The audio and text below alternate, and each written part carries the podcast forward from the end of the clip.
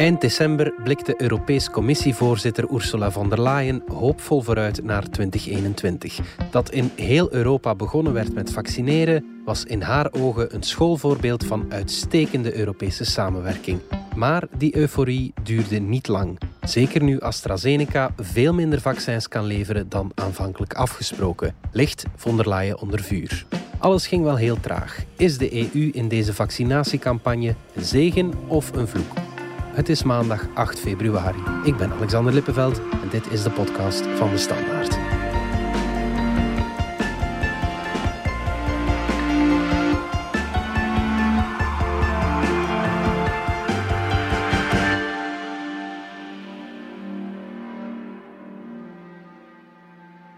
Europe invested billions to help develop the world's first COVID 19 vaccines. To create a truly global common good. And now the companies must deliver. They must honor their obligations.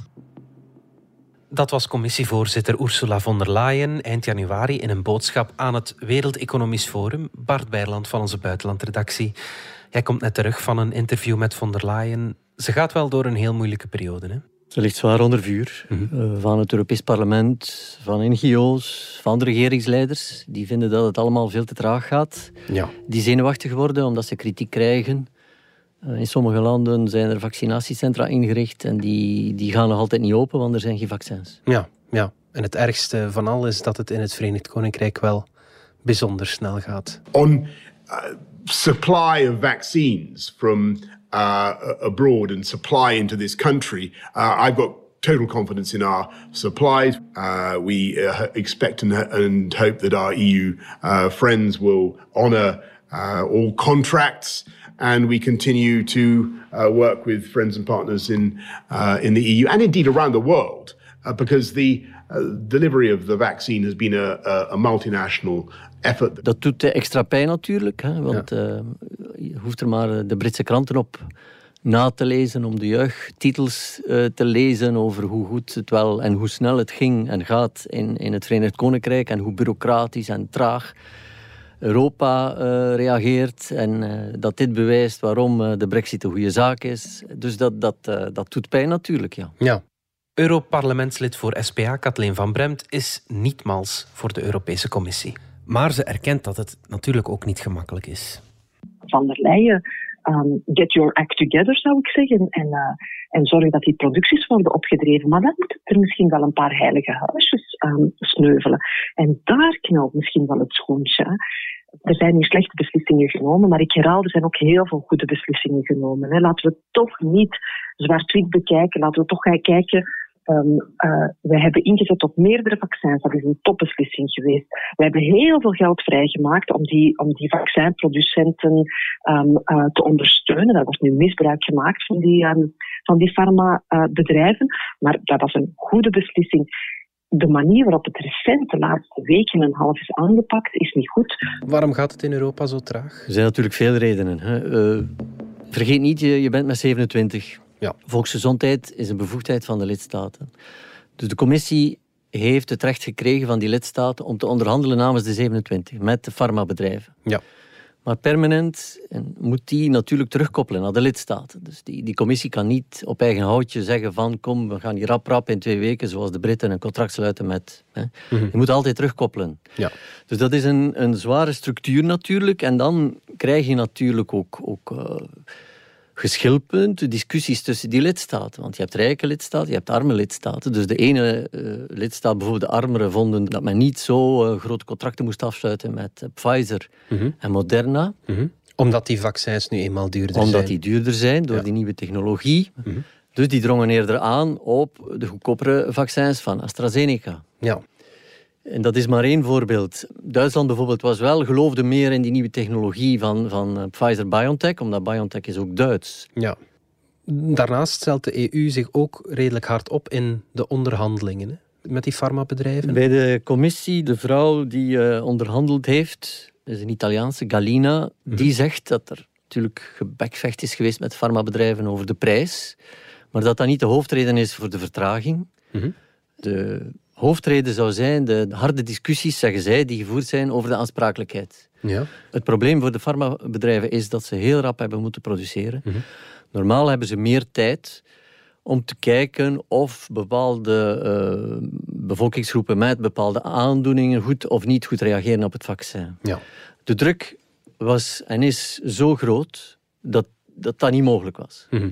En dus is er dan discussie over die aansprakelijkheid. Stel dat er iets fout loopt. Vanuit het standpunt van die farmabedrijven was dat natuurlijk belangrijk om die aansprakelijkheid richting lidstaten te duwen. Want als, als je instemt met uh, aansprakelijkheidsprocedures voor de rechtbank, en zoals iemand me vertelde, je hebt 450 miljoen uh, Europeanen, zelfs als daar maar in 0,1 van die gevallen, procent van de gevallen iets fout loopt, dan krijg je natuurlijk een massa rechtszaken op je dak. Hè? Ja. Dus dat wilde die vermijden. Anderzijds eh, vond de, de, commissie dat dat niet kon, zoals in Amerika, waar dat niet zo is. Dus ze bleef eisen dat burgers bijvoorbeeld, die een aandoening hebben dan en die uh, ziek worden of wat dan ook door dat vaccin, altijd naar de rechter kunnen stappen. Ja. En het zijn die discussies blijkbaar die ervoor gezorgd hebben dat er een wekenlange vertraging is opgetreden in vergelijking met het Verenigd Koninkrijk. Ja. De EU zegt nu, we hebben contracten opgesteld met bijvoorbeeld AstraZeneca. Je moet die nakomen. Eurocommissaris voor Volksgezondheid Stella Kyriakides die verwoordde het zo. Not being able to ensure manufacturing capacity is against the letter and the spirit of our agreement. We reject the logic of first come, first served. That may work at the neighborhood uh, butchers, but not in contracts and not in our advanced purchase agreements. Het is hier geen slagerij, zegt ze, waarbij je in de rij moet wachten. Heeft ze daar een punt? Strikt gezien heb je daar natuurlijk een punt. Een contract is een contract. Als je met AstraZeneca een contract afsluit, je betaalt dat bedrijf 336 miljoen euro en je spreekt af dat de vaccins geproduceerd moeten worden, ook al is het nog niet zeker Mhm. of dat vaccin zal werken of niet, maar dat die vaccins er moeten liggen tegen het moment dat het Europees Geneesmiddelenagentschap zegt oké, we geven hier toelating voor dat vaccin. Als dat bedrijf dat er niet nakomt, ja, dan heb je natuurlijk een probleem. Ja. En dan begint heel het gehakketak over dus die contracten. Dan zegt AstraZeneca, wij hebben alleen beloofd dat we ons uiterste best gingen doen om die vaccins uh, te produceren. De commissie zegt, dit is iets te gemakkelijk. Hè. Bovendien, het gaat om enorme getallen. Bijvoorbeeld, uh, volgens indiscreties ging het om een levering van 120 miljoen vaccins, of doses liever, in het eerste kwartaal. Ja. In december laat AstraZeneca weten, we hebben problemen, we hebben productieproblemen. Ze dalen naar 80 miljoen vaccins. Dan dacht de commissie nog, oké, 80, daar kunnen we nog mee leven. Maar dan half januari blijkt dat het probleem groter is dan voorspeld of dan gezegd. En landen ze op 31 miljoen uh, doses, wat natuurlijk... Een kwart van de oorspronkelijke... Een kwart van ja. het oorspronkelijke aantal. En een ramp voor de Europese Unie, omdat ze zwaar hadden ingezet Mhm. op uh, AstraZeneca. Het was ook het eerste contract dat ze getekend hebben, namelijk in augustus al. Ja. En dus krijg je die botsing tussen enerzijds die, die commissie die zegt, ja maar contract is toch contract. Mhm. En dan dat farmabedrijf dat zegt, ja wij hebben gewoon beloofd om ons uiterste best te doen. Er is een probleem opgetreden. Mhm. En dan ja, moeten wij kiezen, want wij hebben contracten lopen met tal van landen. Hè. Ja. En dan blijkbaar, ja, telt het principe wel van first come, first served. Ook al uh, ja, zegt de commissie dat is zo bij de beenhouwerij, maar niet uh, bij, bij een contract met, met een multinational. Ja. I have to say the first phase of the of uh, COVID is full of good examples, but it's also full of places where we see international collaboration hasn't been the best. Um, could have been a 4th of July Independence Day kind of a moment, but it unfortunately wasn't because there was a little bit of me first um, uh, behavior. Dat was Pascal Soriot, de CEO van AstraZeneca. Hij betreurt het ook dat de internationale samenwerking niet altijd even vlot verloopt. Valt het te begrijpen dat de farmabedrijven die redenering van first come, first served hanteren? Die CEO's zeggen, wij hebben dat duidelijk laten weten. Ja. Namelijk, wie het eerst is, die heeft een voordeel. Mm-hmm. We kunnen ook eventuele problemen in de productieketens kunnen we rapper oplossen. Want we hebben meer tijd. Ja. Dat is hun positie. Anderzijds zegt de commissie, ja, maar we hadden afgesproken dat er vier uh, productiecentra ja. van AstraZeneca gingen leveren. En het is toch niet omdat er een probleem is in één bedrijf in uh, Senef, in ja. België, dat die andere drie uh, niet moeten leveren. Het probleem is dat twee van die, van die drie dan, van die drie anderen, in het Verenigd Koninkrijk zitten. Ja. En dat is nu net, dat ligt nu net heel gevoelig. En dat ligt nu net heel gevoelig. en dan is eigenlijk kritiek van, dat hadden jullie toch moeten incalculeren, Tuurlijk. dat Boris hiervan gebruik ging maken. Hadden jullie niet moeten, zeker in die brexit-context, niet gevoeliger zijn voor, voor dat risico? Ja. Voor Johnson is het heel gemakkelijk om nu met zakken geld te staan gooien naar uh, AstraZeneca en dan is hij wel de winnaar hier. Die hij komt. er voorlopig uit als de winnaar. Ja. Uh, waarbij dan de commissie zich ook weer verweert en zegt: ja, maar de goedkeuring door het EMA is veel grondiger verlopen. Mm Veel diepgaander. Het Europese Geneesmiddelenagentschap. Ja, het Europese Geneesmiddelenagentschap. Terwijl dat Groot-Brittannië een noodprocedure heeft gebruikt. Ja. Dus ze hebben echt de bochten afgesneden. Wat wij niet kunnen doen er is al zoveel wantrouwen tegenover die vaccins. Als we dat gedaan hadden, dan was het helemaal uh, moeilijk geweest om mensen te, te overtuigen. Hmm. Dus op termijn zal ook blijken van, uh, ja, heeft, heeft Johnson te veel risico's genomen of niet? Dat, dat moet allemaal blijken natuurlijk. Hmm. Europa stelt zich nu erg argwanend op. Ze sturen zelfs controleurs naar uh, een fabriek van AstraZeneca in het Waalse Senef, waar er problemen was, zoals je zei. Gaat dat niet heel ver? Dat gaat ver, maar dat staat in het contract dat dat mogelijk is. Ja. En ze voelen zich natuurlijk uh, gepakt. Nu uh, hebben ze de plooien wat glad gestreken. Beseffen ze ook van, ja, je kunt wel ruzie maken, maar dat levert niks op. Wat we moeten hebben, dat, dat zijn vaccins en dosissen. Ja. Maar het is duidelijk dat ze zich zwaar gepakt voelden door, door een bedrijf zoals AstraZeneca. Zeker gezien de getallen waarover we spreken. Als je, als je dus slechts een kwart kunt leveren van wat afgesproken was. Ook al zegt die CEO dan van, ja, maar wij hebben alleen beloofd dat we ons uiterste best gingen doen. Ja. Als je thuis komt met een rapport en je hebt 25% van de punten, dan kun je moeilijk als student zeggen van, ja, maar ik heb mijn uiterste best gedaan. Ik denk dat dat, uh, dat, dat niet zou uh, goed aankomen nee, thuis. dat denk ik ook niet. Charles Michel, de voorzitter van de Europese Raad, die kondigde dan zelfs aan dat er grenscontroles komen eigenlijk bij de export van vaccins, dat, dat gaat dan ook ineens weer in tegen heel wat uh, Europese Het is de commissie die dat in de stijgers heeft gezet. Ja. Dus er was een vermoeden dat er vaccins die geproduceerd zijn in de Europese Unie en die eigenlijk door AstraZeneca gereserveerd moesten worden voor de Europese Unie, dat die aanvankelijk vertrokken zijn naar Groot-Brittannië. Ja. En dus onder druk heeft die commissie dan gezegd, ja, we moeten hier iets doen. Hmm. er was wel een lichte vorm van paniek ook. En men heeft dan gezegd, we gaan een mechanisme installeren waarbij in zo'n geval export van vaccins uit Europa, die eigenlijk gereserveerd zijn voor ons. Hmm. Dus dat bedrijf moet eerst toelating vragen aan de nationale douaneautoriteiten van een land. Bijvoorbeeld Pfizer. Stel, Pfizer wil uh, vaccins leveren aan het Verenigd Koninkrijk, moeten ze nu eerst dat signaleren aan uh, de Belgische douanedienst en ze moeten ook toelating krijgen daarvoor. Ja de commissie zegt, kijk, we gaan dat alleen doen als blijkt dat, dat die bedrijven hun contracten tegenover ons niet kunnen nakomen. Mhm. Natuurlijk vloekt dat met de boodschap die de Europese Unie altijd heeft uitgedragen van in het begin. Mhm. Multilateralisme, we moeten samenwerken. Uh, die vaccins zijn, zijn voor iedereen, voor de hele wereld. En we zijn maar veilig als iedereen veilig is. Ja. En dat klopt ook. Hè? Mhm. Maar natuurlijk, ze stonden enorm onder druk. En dat hebben ze dan gedaan als signaal ook naar de burger, neem ik aan, van kijk, wij, wij beschermen jouw vaccins of uw dosis. Ja. Lichte dosis protectionisme, ja, dat kan in deze... Ja, tot nog toe is, is, is voor zover bekend, hebben ze nog geen enkele exportlicentie tegengehouden. Mhm. Maar het is meer een stok achter de deur, denk ik, ook richting farmabedrijven van uh, jongens, wij houden jullie in de gaten, kom jullie contracten na. Mhm. De EU heeft de bal ja, op bepaalde vlakken misgeslagen. Dat staat nu wel vast, denk ik. Maar Bart, laat ons het even omdraaien. Stel dat er geen EU was, dan was er misschien nog steeds niemand die een vaccin gehad had. Of uh, de Duitsers. Ja. Of de Fransen. Hè? Maar dan, stel in dat scenario, kwam je zeker terecht in een soort vaccin-nationalisme ja. of een vaccinoorlog waarbij de landen die uh, een grote markt vertegenwoordigen, ja. die uh, diepe zakken hebben, die, die, uh, die er sterker voor staan financieel. Die interessanter zijn voor die farmabedrijven. Die interessanter zijn. Dus die hadden veel rapper goede contracten kunnen afsluiten. Mhm.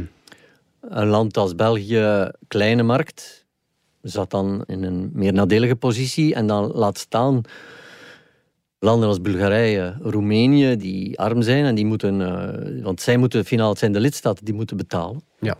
Die voelen dan erbij hangen. En op dat moment zou ook de interne markt natuurlijk in gevaar gekomen zijn. Want wat heeft het voor zin? Ja, we leven van die interne markt. En dat is het grote voordeel van de Europese Unie.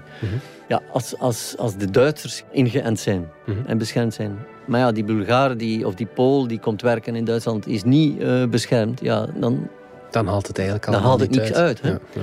Dus die, die, je zou echt een, een vaccinoorlog of vaccinnationalisme gekregen hebben waar niemand iets bij zou gewonnen hebben. Nu, er is, op dat principe is er eigenlijk heel weinig kritiek.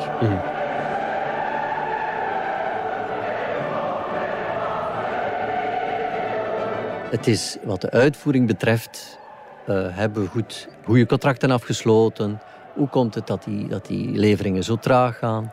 En noem maar op. Daar draait de discussie over, ook over de geheimhouding van de contracten. Wat staat daar nu in? Laten we dat zien. Daarover gaat de discussie. En vooruitkijkend, het moet vooruit gaan. We moeten opschalen, we moeten versnellen. Dat is eigenlijk de discussie. Mhm.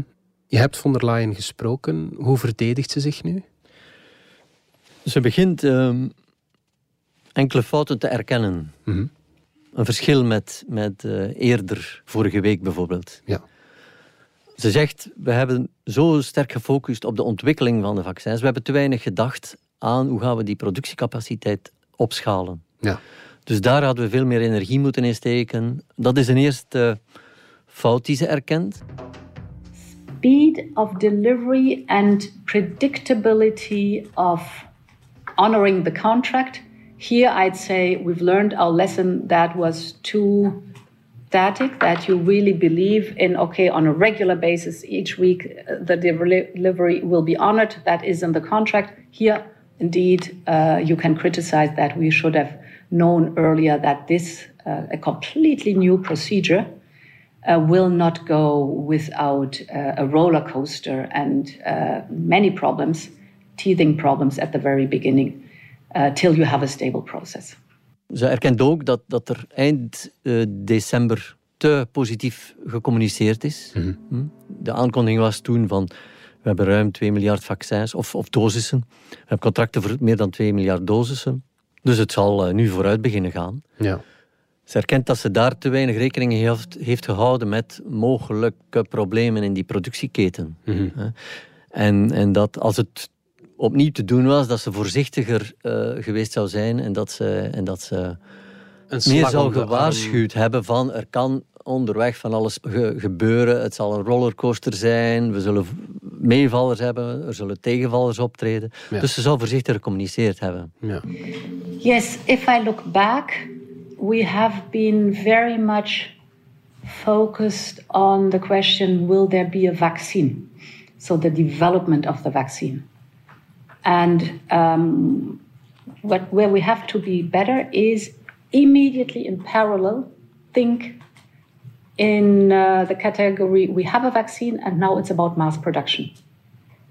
We had the vaccine way faster than expected. That's good.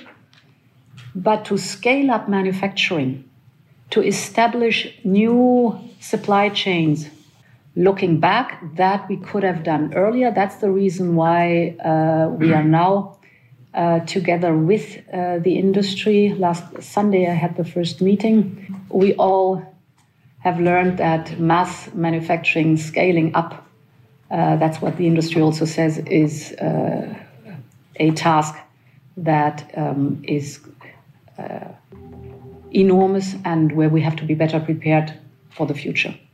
Maar in C blijft ze natuurlijk bij achter haar, haar beleid staan, namelijk, namelijk namens die 27 hebben we onderhandeld. We hebben heel veel contracten.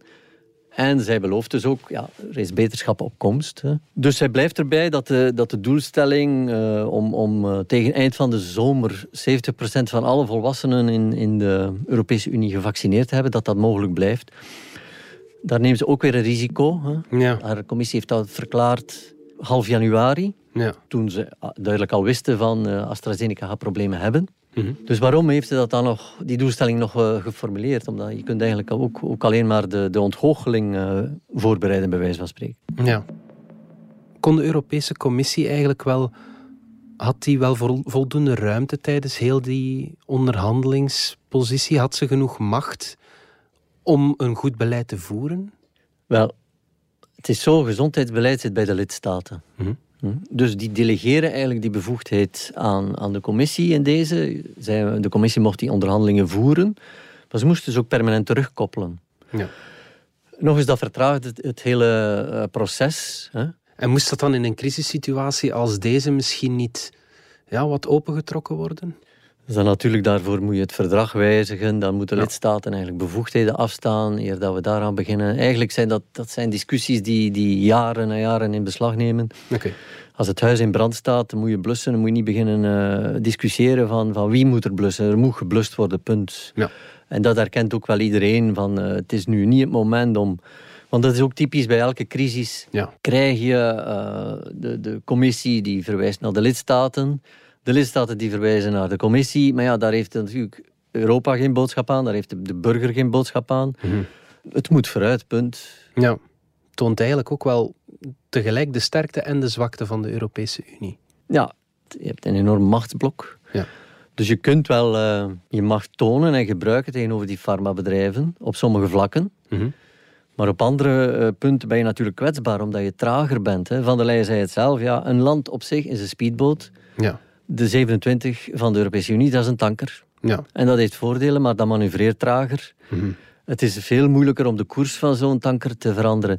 De vraag is wie gaat er eerst aankomen in de haven. Dat is eigenlijk, uh, en, en daarvoor is het natuurlijk nog veel te vroeg. Ja, ja. Wat kan von der Leyen nu doen om haar reputatie nog te redden? En staat die reputatie eigenlijk op het spel? Die reputatie staat op het spel, ja, ik denk het wel. Als je ziet de kritiek ook vanuit het Europees Parlement, ook vanuit de lidstaten toch, ook kritiek op het feit dat ze te veel uh, vertrouwt op haar eigen mensen, dat ze te weinig de, de machinerie van de commissie gebruikt, ja. hm? dat ze te achterdochtig is. Hm. Wat voor haar het verschil zal maken, dat is effectief komen die, die uh, vaccinaties op dreef of niet. Ja, ja. En dan uh, wordt het tweede kwartaal uh, cruciaal, denk ik. Als er nog problemen opduiken van de orde van AstraZeneca en dat hele proces vertraagt opnieuw en we slagen er niet in om die 300 miljoen uh, inentingen te halen in het tweede kwartaal, ja. dan denk ik dat ze serieus in de problemen kan komen te zitten. Ja, oké, goed. Bart Beierland, dankjewel. Dit was de podcast van De Standaard. Bedankt voor het luisteren. Reageren kan via podcast.standaard.be. Alle credits vind je op standaard.be-podcast. Morgen zijn we opnieuw.